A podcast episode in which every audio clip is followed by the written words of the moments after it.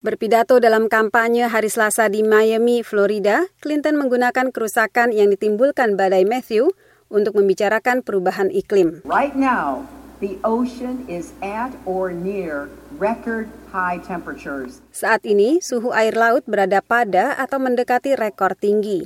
Dan itu menyebabkan terjadinya hujan deras dan banjir bandang yang kita saksikan di North maupun South Carolina. Permukaan air laut naik sekitar 30 cm di banyak bagian tenggara Amerika. Demikian dikatakan Hillary Clinton. Ia memperingatkan naiknya permukaan laut bisa merugikan bisnis real estate di Florida 400 miliar dolar hanya dalam satu generasi.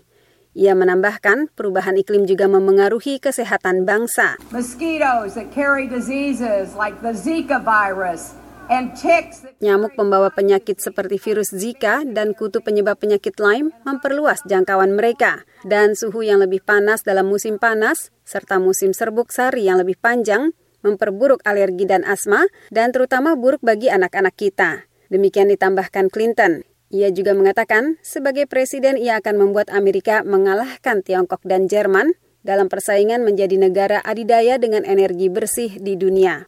Mantan Wakil Presiden Al Gore, pemenang hadiah Nobel untuk upayanya mengatasi perubahan iklim, berkampanye bersama Clinton.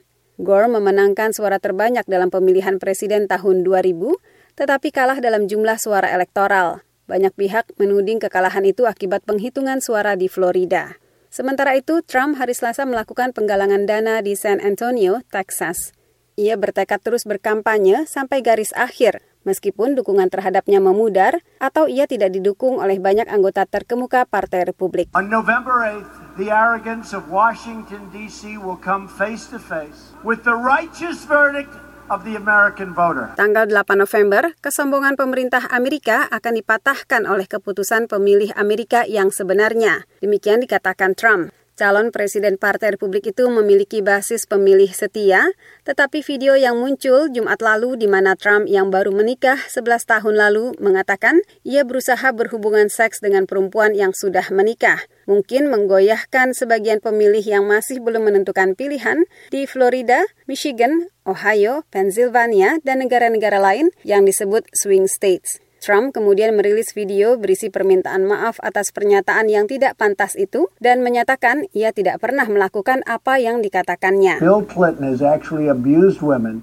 Bill Clinton benar-benar melecehkan perempuan dan Hillary menyerang, membuat malu dan mengintimidasi para perempuan yang menjadi korban suaminya. Demikian dikatakan Donald Trump. Dalam rekaman pesan video, Trump mengatakan ingin berjuang untuk orang-orang Amerika yang kurang beruntung dan berjanji menjadi orang yang lebih baik.